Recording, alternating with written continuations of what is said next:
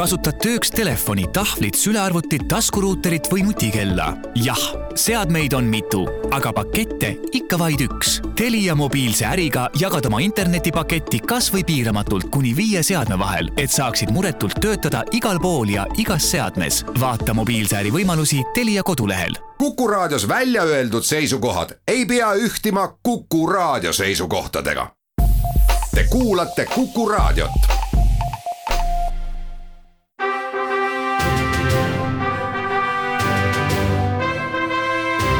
vahetund Tartu Postimehega. tere päevast, head sõbrad, on kahekümne kolmas veebruar kahe tuhande kahekümne esimene aasta. vahetund Tartu Postimehega läheb eetrisse sellises olekus, kus juba on õhus törts törts äh, pidulikku meeleolu, sest äh, homme on ju vabariigi aastapäev ja kui keegi peaks olema teist nüüd sellise riukaliku plaaniga meid kuulama asunud, et ei kuula meid lõpuni, siis olgu juba saate alguses öeldud kõikidele, et äh, kus iganes ja kuidas iganes tähistate, olgu teil tore Eesti sünnipäev nendest erilistest oludest, mida koroonaviirus on meile tinginud, nendest siis hoolimata aga kindlasti ma soovitan äh, selle pidupäeva meeleolus äh, heita pilka praegu Tartu Postimehe veebilehele, sest oleme sinna üles riputanud terve pika nimekirja nendest Tartu, Tartumaa, aga ka Jõgevamaa inimestest, kellele Vabariigi President Kersti Kaljulaid on tänavu otsustanud omistada ühe või teise klassi äh, siis teenete märgi. väga suur rõõm on selle üle, et neid inimesi on tänavu erakordselt palju kes siitkandist on äh, ütleme siis rahvakeeli ordeni rinda saanud või saamas. ja soovime neile siis kõigile palju õnne ja olgu öeldud äh, ka Tartu Postimehe toimetuse poolt aitäh mis iganes eluvaldkonnas olete te suuri asju seni äh, toime pannud. tõsi, nüüd äh, kui juba veebi olete ühel hetkel pilgu visanud, siis ähm, värskeid äh, online uudiseid ka sinna juurde tekkinud märksa ebameeldivamatel teemadel, olgu siis juttu näiteks sellest, et, et, et üle jõel on öösel leidnud aset põleng, kus, kus on elu kaotanud suisa kaks inimest ja viimased täpsustavad teated päästjatelt on siis sellesisulised sellised, et suure tõenäosusega oli seal elektriseadme rike, mis selle, selle tulekahju esile kutsus, aga mis selle laiem taust on, seda me veel uurime ja loomulikult ka samamoodi veebi vahendusel teile edastame tänase saate eh, esimese poole sisustame siin koos hea kolleegi Aet Rebasega, istub siin üle laua, oleme taas hõrendatud, eh, üritame siia stuudiosse mitte väga palju inimesi kokku kutsuda, aga Aedaga siin tõsi, kahekesi juttu ajame, aga ajame ikka sellest samast koroonast. Eh, sest olukord viimasel ajal on muutunud jälle kriitilisemaks, see ei ole mitte ainult Tartus inimeste eluolu mõjutama hakanud, Äh, vaatame korra situatsioonile otsa, sest meie enda ajalehes on ka sel teemal viimastel päevadel õige mitu käsitlust olnud. tänases lehes äh, ütleb kirjanik ja meie enda ajakirjanikust kaastöötaja Tiia Kõnnussaar, et äh, tema hinnangul on Eesti koroonakriisis läbi kukkunud. et see peab olema ikka eriline anne eh, saavutada nakatumismääras Euroopa, eh, Euroopas teine positsioon. ma nüüd päris veendunud ei ole, kas see teine, mis tema arvamuskirjutises eh, kirjas on, on ka täna pädev, aga lõppude lõpuks ei oma väga täpset tähtsust. me vist siin produtsent näitab näppude peal neljandat kohta, usume siis teda, aitäh, Egon. et vahet ei ole tegelikult, olgu see siis teine või neljas, igal juhul Tiia leiab, et, et meie äh, asustustiheduse juures, mis on Euroopa üks äh, väiksemaid, kui mitte kõige väiksemaid, äh, noh, vähemalt Mandri-Euroopas. et peab see olema ikka eriline saavutus sellisele positsioonile jõuda, et mis me siis oleme valesti teinud, et, et proovime siin natuke oma mõtteid mm -hmm. vahetada, et kas me oleme midagi valesti teinud või me peaksime sellesse ikkagi suhtuma pigem kui paratamatusesse mulle endale hakkab tunduma, aga ma arvan, et ma ei ole ainukene, et äh, mingil hetkel on ikkagi piirangud olnud sellised, et viga oli äh, viga oli teha piirkondlikud piirangud, sest et äh, siis veeti viirust mööda riiki laiali ja mulle tundub, et natukene seda viga praegu jätkatakse, et pannakse mingid kohad kinni, aga mis on lihtsalt mingi teise koha noh, mingi teine koht on siis aseaineks. kas meil mitte ei ole praegu Eestis enam nüüd siis ühtsed piirangud igal pool täpselt samadel alustel? nüüd on, aga see, kui vahepeal tehti piirkondlikud piirangud, sest et siis oli näha seda, kuidas Tallinnast sõideti Pärnusse spaasse ja igale poole mujale, ehk siis ma arvan, et see, sealt tuli viga sisse, et oleks võib-olla pidanud kohe siis kõigile tegema ühtsed karmid piirangud, oleks lõpuks saanud nagu mingisuguse kontrolli. mina olen ikka mõelnud äh, niimoodi, et äh, vähemalt varasemalt, kui äh, meie nakatumisnumbrid ei ole olnud nii tõsised, kui nad on nüüd viimastel päevadel olnud või ütleme, viimase nädala jooksul seda, et, et Eestis vist äh, meeldib mulle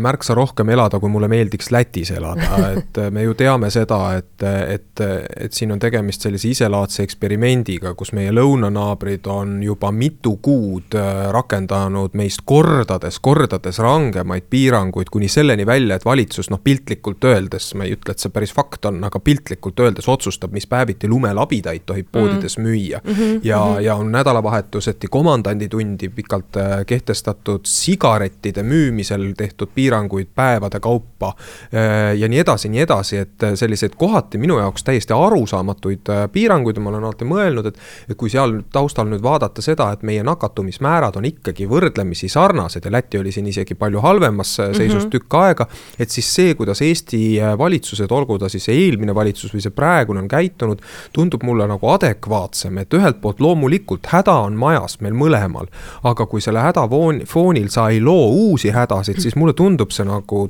targem riigi juhtimine. Äh, teoorias nõus, aga praktikas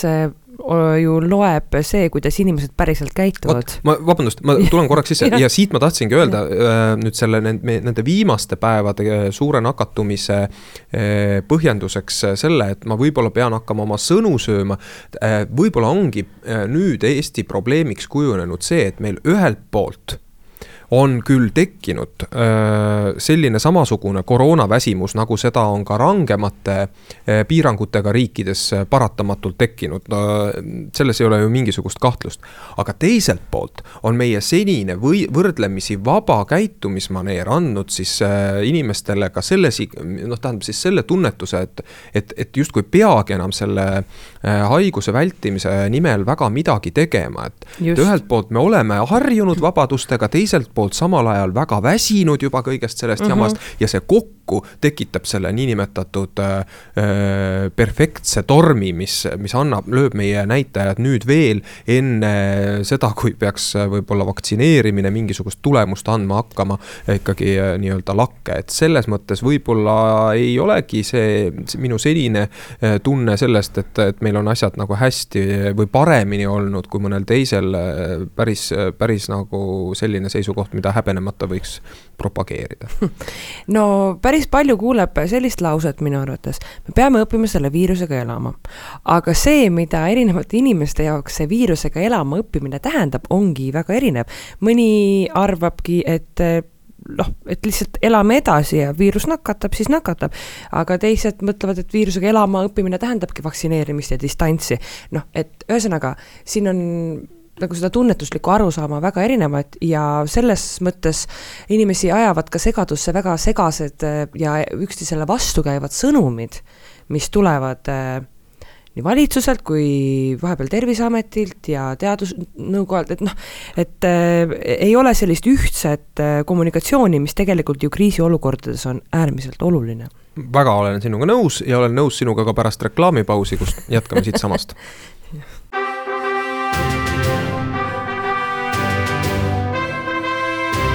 vahetund Tartu Postimehega. Jätkame purjetamist koroonalainetel, asjad ei ole hästi ja päris tähelepanuväärne on, kui me räägime sellest väsimusest ja sellest, kuidas inimeste vastupanuvõime on kahanema hakanud, siis minu arvates seda kirjeldab päris hästi see, et, et me ei pane enam äh, noh, ma ei taju seda mitte ainult iseenda puhul, aga enda puhul ka, et me ei taju enam äh, neid numbreid olulisena, mida meile hommikustest uudistest äh, edastatakse, mida suuremaks, see on hästi paradoksaalne, et mida suuremaks need lähevad mm, -hmm. seda vähem nad neid, meid ehmatavad, et mm -hmm. seda, äh, seda noh, mõõdetamatud on nad inimesele aru saada ja noh, loomulikult see, et neid on iga päev edastatud, lõppude lõpuks tekitab tüdimuse. ja noh, ega ma jah, pean tunnistama, et ega ma ei pane ka enam ise tähele iga päev, kui minu käest küsida täna mitu inimest äh, haiglasse läinud ööpäeva jooksul äh, koroonaviirusesse nakatununa suri, siis ma ütlen, et vist on mulle meelde jäänud mingitest hommikustest raadiouudistest, et äkki oli viis mm, -hmm. aga tõenäoliselt ma võin siin ka eksida. ja täpselt mm -hmm. selline see olek on. Kas sa kinnitad, et äh, ei ole see ainult minu isiklik ei, probleem? absoluutselt, ma mäletan augusti lõpus, kui tuli sada kakskümmend viis päevas ja ma ehmatasin selle peale ja praegu, kui oleks sada kakskümmend viis päevas, see oleks ju nii vähe. praegu, kui see on seal seitsmesaja hulgas, siis see tundubki nagu noh, nagu tavaline juba. et äh, ja neid muid väiksemaid arve või noh, mingeid muid arve ma juba nagu juba natuke ignoreerin, sest et see ei, see ei ütle enam nagu midagi uut väga. mis praegusel ajahetkel äh, on uueks selliseks äh, probleemiks kujunemas minu hinnangul on see, et on hakanud tulema kardetavasti tõele vastavaid signaale erinevatest ametkondadest, äh, mis näitavad pilti sellisena, et kui me, et, et me saame heal juhul sellest probleemist üle juulis mm.. või noh, ütleme siis niimoodi piltlikult öeldes suve teises pooles mm. -hmm. et, ähm, et kui me siiamaani elasime, ütleme veel, kui neid jõulude ajal räägiti, et äh, kohe tuleb aasta kaks tuhat kakskümmend üks, mis on ju loomulikult võrreldes kahe tuhande selle kurja twenty twenty'ga võrreldes äh, oluliselt parem, siis nüüd me oleme ühtäkki aru saanud, et sugugi mitte, et ta pigem võib-olla on hullem ja et selle haiguse taandumine vaktsiini olemasolust äh, sõltumata on väga aeglane ja kui meil siin räägitakse sellest, et kõikidele võidakse vaktsiin kättesaadavaks teha maikuus, siis seda ka ebaledes. Ja, ja kui see ka tõeks osutub, siis selleks, et, et tekiks mingi kriitiline mass haiguse mahasurumiseks, ongi juuni-juuli, aga nüüd, kui me arvestame sellega, et meie nakatumise foon võrreldes eelmise kevadega on vähemalt neli korda äh, kõrgem äh,, nüüd, kui me kevadesse peatselt äh, sisenemas oleme, siis see võib tähendada ka seda, et meil ei juhtu seda, mida me mäletame eelmisest aastast, kus juuni alguseks justkui iseenesest see haigus kadus meil ära, hea küll, eriolukorras olid ka me, need liikumispiirangud päris äh, ranged, inimesed hoidsidki mm -hmm. distantsi ja püsisid kodus märksa rohkem kui praegu, aga et me tegelikult kõik kõik äh, eeldused on sellised, et seda nagu loomuldasa langust ei teki nii kiiresti ja vaktsineerimine ei jõua ka peale. ja see nüüd siis närib seda noh, sellist viimset optimismi veel, et ma ei tea, kas siin on nagu mingit tolku, kui öelda, et inimesed lihtsalt, et võtke nüüd ennast palun kokku ja pidage veel vastu, et, et, et see asi saaks natukenegi kontrolli alla niimoodi, et meil juuni, juuli ja august oleksid ikka sellised kuud, kus saab kultuuri nautida ja, ja võib-olla rannas ka niimoodi ringi käia, et sa ei pea kõrval suplejat kartma. Noh, tahaks loota, teisest küljest ma saan ka nendest inimestest aru, kelle suurim mure ei ole võib-olla kultuuri nautimine, vaid see, et vaja palka teenida ja siis noh, mis, mis, mis sa ütled inimesele, et et ära käi siis mitu kuud tööl või noh, sest et inimeste töö iseloomud on ju erinevad ja siis lõpuks tulebki see trots ja see eitus, sellepärast et kui inimesed tunnevad, et nad peavad oma päris elust loobuma, siis noh, ma saan aru, kus, kust see trots tuleb tegelikult mm. -hmm. et kui siin viimaste päevade uudistest on läbi käinud mitmeid selliseid Ähm, teateid, kus üks või teine ettevõte on öelnud, et, et meie eelmise aasta majandustulemused osutusid prognoositust märkimisväärselt paremaks mm, -hmm. siis mul on küll tekkinud see hirm, et jah, äh, tõepoolest, nii see läks, aga tegelikult me lihtsalt ei prognoosinud mitte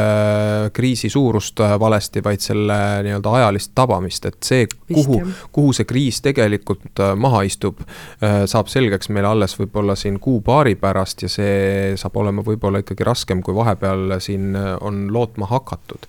et noh, et mäletan, kui eelmise aasta noh, vot nüüd leidsin autoriteedi, et äh, eelmise aasta kevadel äh, toonane siseminister Mart Helme teatas inimestele resoluutselt pärast seda, kui ta oli oma sellest äh, hanerasva ja jutust juba loobunud, et, et, et arvestage selles, sellega, et nüüd on eriolukord ja et, et see ei lõpe niisama ruttu, et, et võib-olla juba jaanipäevaks on läbi. või tähendab, et võib-olla alles jaanipäevaks on läbi. et siis nüüd vaatad küll sellele situatsioonile otsa ja niimoodi kurb rõõmsalt tõded, et äh, vaat, et milline nali, et äh, ei tea, milliseks jaanipäevaks. just, aga no ma ei tea, kui keegi oleks aasta aega tagasi öelnud, et aasta pärast on selline olukord, siis ega ei oleks uskunud mm. -hmm. No mida nüüd teha siis annaks, et kui me ütleme, et inimesed, pidage vastu, võtke ennast kokku, et ja, ja kuidas siis sellel foonil peaks nagu riik käituma, siis ühe minu arust väga tähtsa või jah, miks mitte tähtsa, hea mõtte ütles välja meie kolleeg Armas Riives eilses äh, lehes äh, Arvamusküljel. ütles, et äh, siin on koht, kus vaktsineerimisvaldkonnas Eesti võiks oma e-tiigriks olemist taaskord tõestada. absoluutselt et äh, me oleme siin ju äh, nii ise kirjutanud kui ka näinud teistes meediakanalites äh, lugusid sellest, kuidas ähm, perearstikeskused on hädas leidmaks õhtuti neid inimesi, kellele seda vaktsiini anda, sest tegelikult probleem pole meil mitte niivõrd selles, et ei oleks valmidust vaktsiinisüst vastu võtta, vaid see, et nendes gruppides, no ta, ühesõnaga need grupid, kellele on praeguse vaktsineerimiskava järgi see esimesed süstid ette nähtud, et need ei pruugi olla nii laiad, et need perearstikeskused neid üles leiavad mm. -hmm. aga tõepoolest see, mida Armas kirjutas, et Eesti võiks siin ikkagi käivitada mingi veebipõhise või äpipõhise platvormi, kus inimesed saavad hakata. ja me ei pea ootama siin maikuud, et seda arendust tegema hakata, saaksid hakata ennast ise välja pakkuma nii-öelda varujärjekorras olema. Näitavad ära oma elukoha, avaldavad vabatahtlikult valmidust olla õigel hetkel õiges kohas, kui peaks üks süst vabanema et, et noh, siis see oleks küll nüüd nagu pisikene, ent positiivne liigutus, mida võiks ju ära kasutada. no eriti just nendele meditsiinitöötajatele, kes peavad praegu veel selle veenmisega tegelema, et noh, selle arvelt nad ju ei saa muid asju teha. jah, et see oleks juba moraalselt õige minu arvates. ma arvan, et tegelikult ju vaata, veenmine ei olegi praegu äh, väga tähtis tegevus, ei oleks väga tähtis ja. tegevus, kui meil oleks vaktsiinid vabalt käes ja meil ei oleks need, need äh, noh, niimoodi grupiti piiratud, oleks öeldudki, et kõik võivad saada vahet ei ole, et keegi ei ole enam eliitvaktsineeritud, keegi ei pea muretsema selle pärast, et ta sai valel ajal süsti kätte. et siis sellisel juhul neid, kes seda kätte tahaks saada, ongi piisavalt palju ja ma olen vaadanud ükskõik milline küsitlus, isegi meie enda veebikallup, noh, ma ei pea seda mm -hmm. teab mis uh, usaldusväärseks sotsiaalseks analüüsiks, aga see näitab ka ikkagi niimoodi uh, sarnaseid, sarnast protsenti, mida paljud teised küsitlused, et circa kakskümmend viis protsenti on ühiskonnas neid inimesi, kes on vaktsineerimise suhtes pigem eitaval seisukohal mm. -hmm see võib muutuda siis, kui piisavalt paljud on juba ära vaktsineerinud. jaa, aga sellest juba piisab. kui seitsekümmend viis on vaktsineeritud, siis ma arvan, et see on äh, ühiskonna sellise niinimetatud karjaimmuunsuse tagamiseks juba, äh, juba ka piisav, et mm -hmm. noh, vabamaks peaks see asi igal juhul saama ma ei ole nüüd adekvaatne ütlema, kas äh, seni äh, Sotsiaalministeerium, äh, Terviseamet, teised, ütleme siis meditsiinisüsteem on endast andnud maksimumi selleks, et vaktsineerimine saaks käia võimalikult kiiresti. no kui siin on mingid lõtkud, siis need ei saa ilmselt olla väga suured, et meil oleks põhimõtteline seisuerinevus tänaseks aga siit edasi võiks küll arvestada sellega, et pühapäevi ei ole olemas, laupäevi ei ole olemas mm -hmm. ja vabariigi aastapäev on parim hetk tähistamaks, et äh, tähistada sellega, et sa lased endale koroonavaktsiini süsti teha. noh, et riigipühad ja nädalavahetused võiksid ka olla selleks asjakohased. just, just, sellega ma olen küll nõus meil oli korra plaanis äh, rääkida ka sellest, kuidas on tekkinud huvitavad erisused äh, selles, äh, mis asutused võivad olla lahti, mis mitte, rääkides siis näiteks spaadest ja klubiujulatest. aga kuna sa juba mainisid seda, et need signaalid on päris mitmetes eluvaldkondades olnud väga sellised vastandlikud ja see on üks peamisi põhjuseid, miks ka inimeste väsimus süveneb, siis jätame selle praegu siin lahkamata, sest kindlasti sel teemal on meil lähipäevil ka lugusid lehes tulemas. tõmbame koroonajutule praegu joone alla, aitäh, Aet, et said aega läbi astuda ning nüüd siis pooltunni uudised, pärast seda räägime hoopiski maratoni juttu.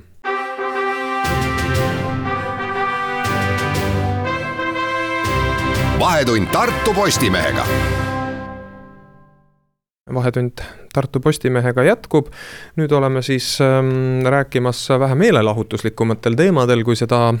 oli äh, esimene pool, äh, mille lahendasime siin ära koos ähm, Aet Rebasega. mina olen endiselt Rannar Raba, Tartu Postimehe peatoimetaja, mul on selle saate juhtimise kohustus, nii on ka minul kohustus praegu kontrollida, kas arvamustoimetaja Jüri Saar telefonitsi on juba jõudnud meie saatega ühineda. Jüri, kas oled kuuldel? on küll. Ja stuudios ähm, teiseks vestluspartneriks äh, mul on äh, meie videoreporter Madis Perli. tervist. Äh, meelelahutuslik teema on Tartu maraton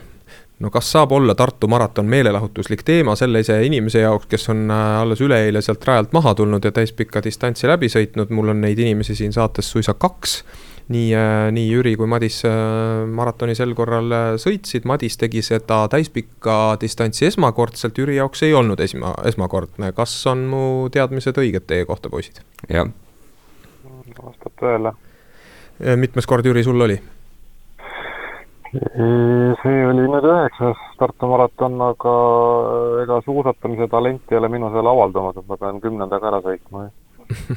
ja sealt alates äh, me hakkame rääkima juba hoopis äh, professionaalsemal tasemel, aga täna ajame läbi siis ikkagi sellises meelelahutuslikumas võtmes, on vähemalt minu ettepanek. ja seda ettepanekut kannab peaasjalikult äh, minu arusaamine sellest, et murdmaasuusatamine on lihtsalt üks väga vastik ala,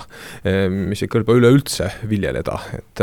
kipub juhtuma ikka niimoodi, et jalad lähevad ju, või tähendab, suusad lähevad risti ja kukkumisvõimalus on ja higiseks muutud, jah, igasuguseid muid hädasid võib sealjuures, juures olla, seepärast küsingi teie käest kõigepealt, et kuidas äh,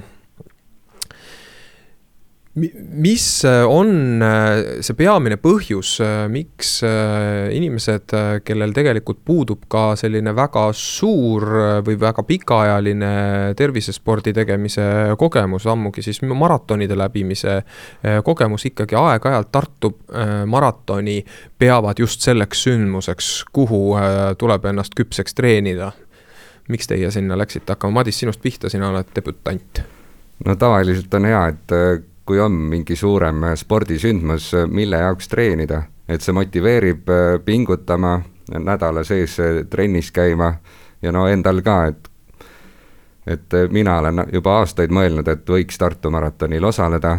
et varem pole päevad klappinud või siis ei ole maraton toimunud. aga see aasta tundus just õige, et õige asi, et tuleb ära teha Jüri, ma tõesti ilma naljata küsin, et miks on Tartu maraton oluline sündmus, lisaks sellele, et ta lihtsalt on väga pika traditsiooniga mm,? üksikisiku plaanis või, või, või, või, või siis ühiskonna jaoks, need on ju täiesti erinevad äh, vaatenurgad, et äh, võta mõlemat. mulle, mulle hirmsasti meeldib see Indrek Kelgu äh, lähenemine või mõtteviis, et, et maraton ei ole tähtis mitte nende mõne tuhande inimese pärast, kes seal sõidavad, vaid ta on tähtis just noh, nagu ka Madis ütles praegu, et sellise motivaatorina, et võib-olla ka eeskuju andjana, et inimesed tegeleksid liikumisharrastusega, nad läheksid noh, õue, paneksid suusad alla või siis suviste ürituste puhul nad läheksid jooksma, et, et see on nagu selle rahvaspordi suurem võlu, noh, me siin Tartu kandi inimesed saavad ju rõõmustada veel selle üle, et tänu maratonile on meil üks äh, oivaline suusarada normaalsel talvel ka hooldatud just Tartu maratoni klubi seisab selle, selle eest. aga isiklikus plaanis on neid mõjureid ju nii tohutult palju, et minu esimene, esimene maraton oli ikkagi lihtsalt sellepärast, et ma tahtsin proovida, kas ma suudan, et see oli paras, paras katsumus, seitse, seitse pool tundi raja peal, kolm kilomeetrit enne finišit totaalne lihaskramp ja mõte, et noh, et siia see maraton nüüd jäigi ja kui sa siis oled üle selle finišijoone lõpuks saanud, noh siis see on igal juhul rõõm, et noh, nüüd kogenum, kogena, kogenumana eh, maratoni mõttes, kuigi ega ma suusatada ju siiski ei oska, eh, et noh, ma, ma juba tean, mida sealt oodata, ega ma ei karda seda maratoni. kui ma maratonil midagi kardan, siis ma võib-olla kardan neid ootamatuid kukkujaid laskumistel, sellepärast et täitsa võimalik, et seal esimes-, esi-, esimeste sadade hulgas on see suusaoskus parem, aga, aga seal, kus mina kulgen, selles teise, teises pooles rahulikult, et seal ikkagi neid, kes langevad noh, näilise põhjuseta lihtsalt kummuli või külili, neid ikka on ja see nõuab parajat puiklemist ju. ma siin vahele vabandust, küsin vahele siis, et äh, kas te julgete raadioeetris ka kumbki, nii Madis kui äh, Jüri, välja öelda selle aja, mis sel korral finišijoonel äh, teile vastu vaatas tabloolt. tuletame siis meelde, et ähm, võitja üle, üle, üle mitme-setme aasta ähm, siis jälle kodumaa mees Mart-Kevin Põlluste sai hakkama sel korral kolme tunni ja kolme minutiga, kui ma õigesti mäletan, mis polnud nüüd teab mis kiire aeg, aga noh, mingiks verstapostiks võitja poolt ikka, et kuidas teil läks? no no minul läks äh, niimoodi, et kui Mart-Kevin Põlluste tegi ühe paaristõuke, siis mina tegin kaks. et äh, minu aeg oli viis viiskümmend. et eesmärk oli kuue tunniga finišisse jõuda, viimases toidupunktis hõigati välja, et umbes tund aega sõidab siis finišisse. ja siis oli küll mõttes, et nüüd tuleb natukene tempot tõsta, et et muidu see eesmärk ei saa täidetud, aga läks hästi. lõpus tõmbas küll kõhulihase veidi krampi, et laskumisasendit näiteks võtta ei saanud, aga vahelduva tehnikaga päästsin ära, lõdvestas kõhulihase niimoodi noh, mõnusaks ja sain lõpuni viimased kilomeetrid paaris tõukeid uhada. Jüri no ma olin see aasta veel aeglasem, aga kuue tunni sisse mahtusin ära, noh, arvestades minu suusatamise oskust või selle oskuse puudumist, niisugune ootu-, ootus oli, et kuskil viie poole tunniga võiks kohale jõuda, no läks paarkümmend minutit rohkem. et eh, nii ta, nii ta oli, aga noh, see rada oli selles, eh, pärast eelmist aastat on patt nuriseda, aga see rada oli paiguti ikkagi üpris eh, ränk, et jälg oli ebamäärane ja noh, pidamine jättis ka mõne koha peal ikkagi soovida, et eks sinna, sinna see ajakulu läks ja rohkem, kõrgem pulss ja väiksem kiirus, sinna, nii, nii see läks see on nüüd jälle naljaga pooleks öeldud, et aga ma veel pole kuulnud, et pärast äh, Tartu maratoni äh, noh, selline üldine muljetamine oleks öelnud, et rada oli ideaalne ja, ja probleeme ühte või teistpidi pole olnud, et ma mäletan siin viimati oli jälle vastupidi, et oli, oli rada kohati väga kõva, mis tähendas seda, et inimesed äh, pidid laskumistel lausa tagumiku peale ennast maha laskma, et, et, et mitte liiga kiiret hoogu peale saada, sest all orupõhjas oli ju juba üks pundar kokku kogunenud kogenud äh, pikali inimesi, et äh, nojah, äh, ma saan aru, et see on nagu põllumeestega, et. et kunagi pole olud päris head, aga ma arvan, et see on iseenesest ka väga tore, sellepärast et inimesed kindlasti peavadki väga kirglikult sellesse suhtuma. mis nüüd selle aasta Tartu maratoni puudutab, siis teine selline ähm, mm, väga tähtis tähelepanek, mida tuleb ju ära fikseerida, on see, et, et läks üle noatera jälle et esiteks meid ju kummitab siinkandis kogu aeg see, et ehkki me oleme arvanud, et murdmaasuusatamine on üks meie peamistest rahvuslikest spordialadest ja mis, mida siis ikka propageeritakse ka rahvaspordi edendajate poolt, siis tundub kohati, et, et ega siin vist väga häid väljavaateid kliima soojenemise kontekstis ei ole, et selle alaga võiks edasi pikalt ja niimoodi järjepidevalt tegeleda, et inimestel oleks ikka hea põhi all. ja noh, siis loomulikult need sellised suured traditsioonilised sündmused, mille, mis väga tugevalt on naelutatud üht, ühe teatud kuupäeva külge ja mida kuhugi nihutada niimoodi edasi-tagasi, sõltuvalt lumesadamisest ei saa. et siis noh, peab arvestama, et sel aastal on korralikult äh, talve teinud ja sel päeval just, kui Tartu maraton äh, aset leidis, pööras siis äh, olemise selliseks juba vaata et kevadiseks. eks ole, läks ju üle noatera, rääkimata sellest, et koroona tingimused võinuks ju väga vabalt anda siis äh, ametkondadele noh, kohustuse või võimaluse öelda, et ei tee seda lihtsalt. ei, läks küll ja noad ära, et äh, sellepärast, et no see ilm tegelikult äh, jah, mina pääsesin napilt paduvihma käest ära, aga ma arvan, et need, kes lõpus tulid, nendel oli ikka päris raske, et see rada läks ju järjest pudrusemaks. et noh, mulle endale kõige raskem oligi see koht, kus Poolemaa osalejad tulid ka, et nemad tulidki nagu rongina juba ette, et et siis kui muidu olid pooled rajad umbes enam-vähem sõidetavad, siis edasi oli juba raskem ja hästi palju sellist sõelumist tuli ka, et poolel maal ei olnud nii kogenuid, kogenu, jah, kogenuid sõitjaid. aga saime hakkama õnneks no mina, mina julgen küll öelda, et äh, no muidugi on olnud neid aastaid, äh, kus maratoni lihtsalt ei saagi teha, sest et äh, ei ole, ei ole mitte midagi, mille peal sõita, kuid kui siin mina oma, oma minevikku meenutan, siis on küllalt, küllalt olnud nendest maratonidest selliseid, mida kaks nädalat varem või kaks nädalat hiljem oleks nagu olnud ka keeruline pidada ja ühel aastal oli ju see olukord, kus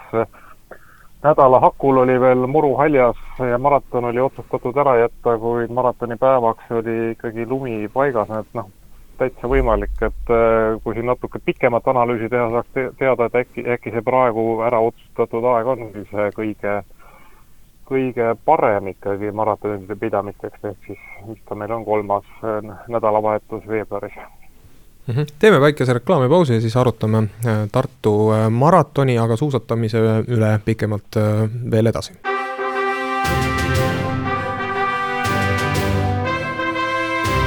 vahetund Tartu Postimehega rääkides edasi Tartu maratonist ja, ja suusatamisest, siis äh, loomulikult selle tänase teemavaliku äh, esimene põhjus oli see, et Tartu maratoni me ka Tartu, Tartu Postimehe toimetuses tähtsaks äh, nii spordi kui kultuurisündmuseks ikkagi peame aga teine asi see, et äh, me ei saa ikkagi siin lahti äh, sellest, et, et koroonaviiruse äh, levik on igas eluvaldkonnas kaasa toonud selliseid põhimõttelisi muudatusi, millega inimesed peavad harjuma. ja Tartu maratoni puhul tehti ka nii mõndagi teisiti, noh, ma ei räägi siin sellest, et võib-olla, et raja äärde ei lubatud või siis ütleme sinna ka stardikoridori äärde patseerima ei lubatud lihtsalt pealtvaatajaid või kaasaelajaid. see võib olla kõige ebaolulisem, aga, aga ka start startimises ja, ja alale sisenemises ja lõpuks äh, finišialalt lahkumises, selles kõiges oli vaja jälgida teatud tingimusi, et äh, Jüri ja Madis, millised muljed teil selles mõttes on, et kuidas teie arvates korraldajad said hakkama sellega, et tagada võimalikult madal nakatumisoht, ent samas pakkuda ikkagi sportlastele või siis ütleme, harrastajatele, kes, kes iganes, kuidas ennast peab selles kontekstis, äh, ikkagi seda lusti, mida nad siin otsima olid tulnud Jüri, alustame sinust. vot sellele küsimusele ei saa ju praegu veel vastata, et kuidas see nakatumise ärahoidmine õnnestus, praegu on ainult visuaalne hinnang sellele, et, et kõik läks nii, nii nagu, nii nagu, nii nagu oli soovitatud ja olulisi kõrvalekaldeid soovitustest ei olnud, seda on Terviseamet öelnud, aga osaleja vaatest oli mõningaid ebamugavusi, noh aga pole, pole nagu midagi ka nuriseda, et see, see Tartust maratonile minek on ju alati olnud äh, üks suur laulupidu alates sellest, kui Vanemuise alumisest parklast läheb buss ja viib su sinna kohale ja siis seesama buss toob su Elvast tagasi ja, ja sinu eest on kõik ära hoolitsetud, saad oma sooja õlle ja saad äh, käia Elvas saunas ja, ja supikausi kätte, et noh, seda bussi nüüd paluti vältida, sau-, sauna ei tehtud ja sooja suppi ka ei antud, aga, aga see ei ole ju probleem iseenesest. Need sellised väiksemad ebamugavused pigem, ütleksin mina, ma arvan, et korraldajate vaates pigem selle läbimõtlemine, et kuidas ikkagi mahutada kõik see inimhulk, keda nüüd siis paluti eraautodega kohale sõita, on kindlasti olnud probleem võib-olla keskkonnahoiu mõttes võib ju küsida, et kas rosinate seitsme või seitsmeteistkümne kaupa tok-, topsidesse panemine on tegelikult tark mõte või ei ole tark mõte, aga no sellel aastal ei saanud teisiti. et selliseid, selliseid asju ehk, aga kuidas aga teile ma, meeldis, kuidas teile meeldis äh, see, et startimine oli äh, nüüd gruppidesse jagatud, noh esiteks juba see, et äh, osalejaid oli vähem kui noh, varasematel aastatel? no mulle meeldis, et oli palju rahulikum, äh, et äh, ei pidanudki kohe, ma ei tea, üheksaks äh, või no isegi varem Otepääle jõudma. no pärast sai küll teada, et parklad ja parkimisvõimalused olid juba seal läheduses siis täis, aga noh, see maski kandmine, see ju ei võta kellelgi väga suurt vaeva, et siis, kui läks sinna stardikoridori hakkasid minema, siis äh, võtsid ära ja siis edasi oli noh, osaleja jaoks ju täiesti tavaline Tartu maraton. oota, räägime selle maski kandmise üle ka selles kontekstis, et sina, Jüri, tõstatasid eile meie toimetuses küsimuse, mille me ka loomulikult miks rubriigis äh, kirjutasime tänasesse lehte ära, et, et, et miks näiteks mõningatel äh, jooksuvõistlustel on inimesed pidanud maski kandma kuni rajale minekuni, aga, aga maratonil äh, võis juba siis koridori sisenedes maski eest ära võtta, et kas sina said, Jüri, Terviseametilt ja korraldajatelt selle adekvaatse selgituse, et, et nii oli okei okay,, sest noh, seal ma ei tea, suusad on piisavalt pikad, et inimesed nii või teisiti jäävad teineteisest distantsile. no jaa, see võrdlusmoment oli Viiking, mis ma nüüd ütlen siis, Ülemiste ööjooks läinud sügisest, kui oli range, range korraldus, et stardialas tuleb olla maskiga ja enne, enne seda veel ka kraaditi inimesed ja, ja, ja nüüd on nagu vastupidine, et äh, siis vahetus stardialas äh, tuli mask ära võtta ja see vastus kõlas jah nii, et kuna suusad on ise piisavalt pikad ja hoia, aitavad inimestel vahet hoida, siis äh,, siis mask ehk ei ole nii tarvilik, aga no siin saab edasi ka mõelda, et kui kõik see inimvägi oleks hakanud suusakepid käes maske arutama seal pärast stardipauku ja need maskid oleks pudenenud radadele, siis see libisemine oleks ilmselt ka mõnevõrra häiritud olnud ja, ja oleks teisipidi hädasid sellest sündinud ja kuhu see mask siis äh, poole sõidu pealt panna. ei no kui mask no. lendabki kliistri, kliistri külge, siis äh, põhimõtteliselt äh, saad ju suusa kohe pidama, et et tekib see umbes sama, sama, sama nagu joogipunktides või nende teeninduspunktides joogitops talla all, et või suusa all, et, et pidamine täiuslik. minul juhtus ja nii, et kohe hakkas palju paremini pidama. aga veidi laiemaks seda juttu ajades ikkagi selles kontekstis, kuidas on väljavaated üldse murdmaasuusatamise kui sellise rahvusliku ala Äh, arendamisega Eestis, siis no siin reklaamipausi ajal äh, Madis äh, täheldas, et, et kunstlume tootmise võimekus on viimastel aastatel eri spordikeskustes noh, talispordikeskustes siis meil äh, ikkagi väga noh, hüppeliselt paranenud, et, et neid süsteeme on äh, ehitatud statsionaarsemaks, on tulnud uusi seadmeid, mis ka väikeste miinuskraadide juures on juba päris võimekad ja mis peamine, aitavad nüüd tasapisi ka seda kunstlume tootmist odavamaks muuta. et, et kuivõrd siit, siit võiks nagu ikkagi siis tekkida seda lootust, et, et ka muutlik võimaliku oluga talvedel ikkagi inimeste suusatamisharjumus eh, püsib ja eh, ka sellised eh, tähtsündmused ikkagi saavad toimuda ka puhtalt sellepärast, et inimestel on see treenitus olemas. Siin on, siin võib ju küsida ka niimoodi, et kas tuleb seda harjumust hoida või seda suusatamisharjumust kasvatada, meil ma ei arva, et äh, ajalehe äh, siis veebiversiooni küsitlused on tohutult esinduslikud, aga, aga meil oli hiljaaegu üks, üks selline küsitlus üleval, mis näitas seda, et suurem osa inimestest ei hooli murdmaasuusatamisest äh, kuidagi. ehk et selliseid on tõesti ole... olemas jah, jah, on küll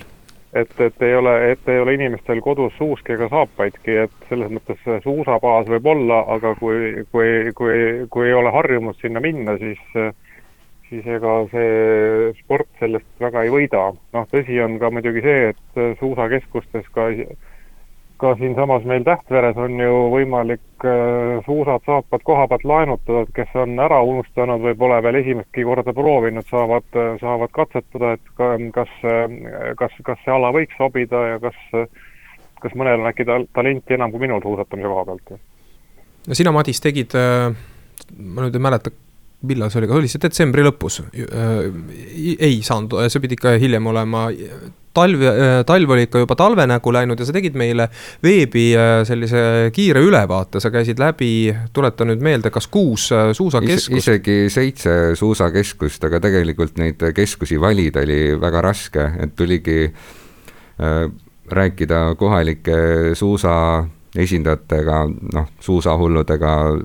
Tartu suusaklubiga, et saadagi need tartlaste lemmikumad suusarajad kätte ehk siis valikuvõimalust äh, sellel hetkel oli äh, piisavalt ja ei saa nagu väita, et, äh, et see ala kuidagipidi meil unarusse oleks jäämas.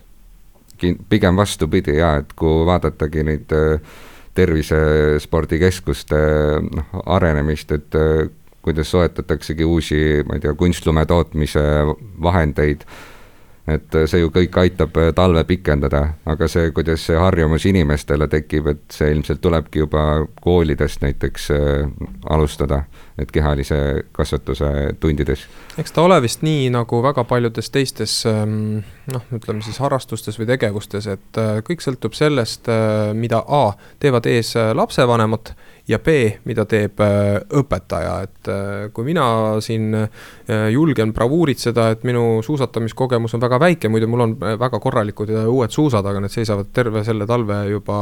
garaažis riiuli peal või selle konksu otsas, kus nad peavad olema ja kus nad peavad olema ka suvel et siis minu probleem on küll see, et mina, hoolimata sellest, et pole juba enam kõige noorem mees ei kogenud põhikoolis, küll algklassides, aga põhikoolis mitte ühtegi suusatundi. seda ei toimunud lihtsalt, seda ei olnud, sest meie õpetaja ei tähtsustanud seda. ja eks siin näete, ongi siis tulemus käes, et eks ma peaks siin iseennast nüüd parandama, aga see kättevõtmise asi ei ole siiamaani päris hästi läinud olgu siis tuhk pähe raputatud, aga et, et, et ei, ei ole, tuleks ainult taevast äh, tuhka, vaid tuleks ikka ka huvitava ilmastikunähtusena äh, liiva, nagu meil tänasel päeval, siis soovitan kõigil minna õue, sest äh, seal on näha korraga nii eestimaist lund, vihma kui Sahara liiva. mida iganes uudislikku veel näete, andke seda ikka Tartu Postimehe toimetusele teada, räägime nii lehes kui selles raadiosaates tänan teid, head kolleegid, lõpetame tänaseks saate ära, nädala pärast uuesti ja head vabariigi aastapäeva!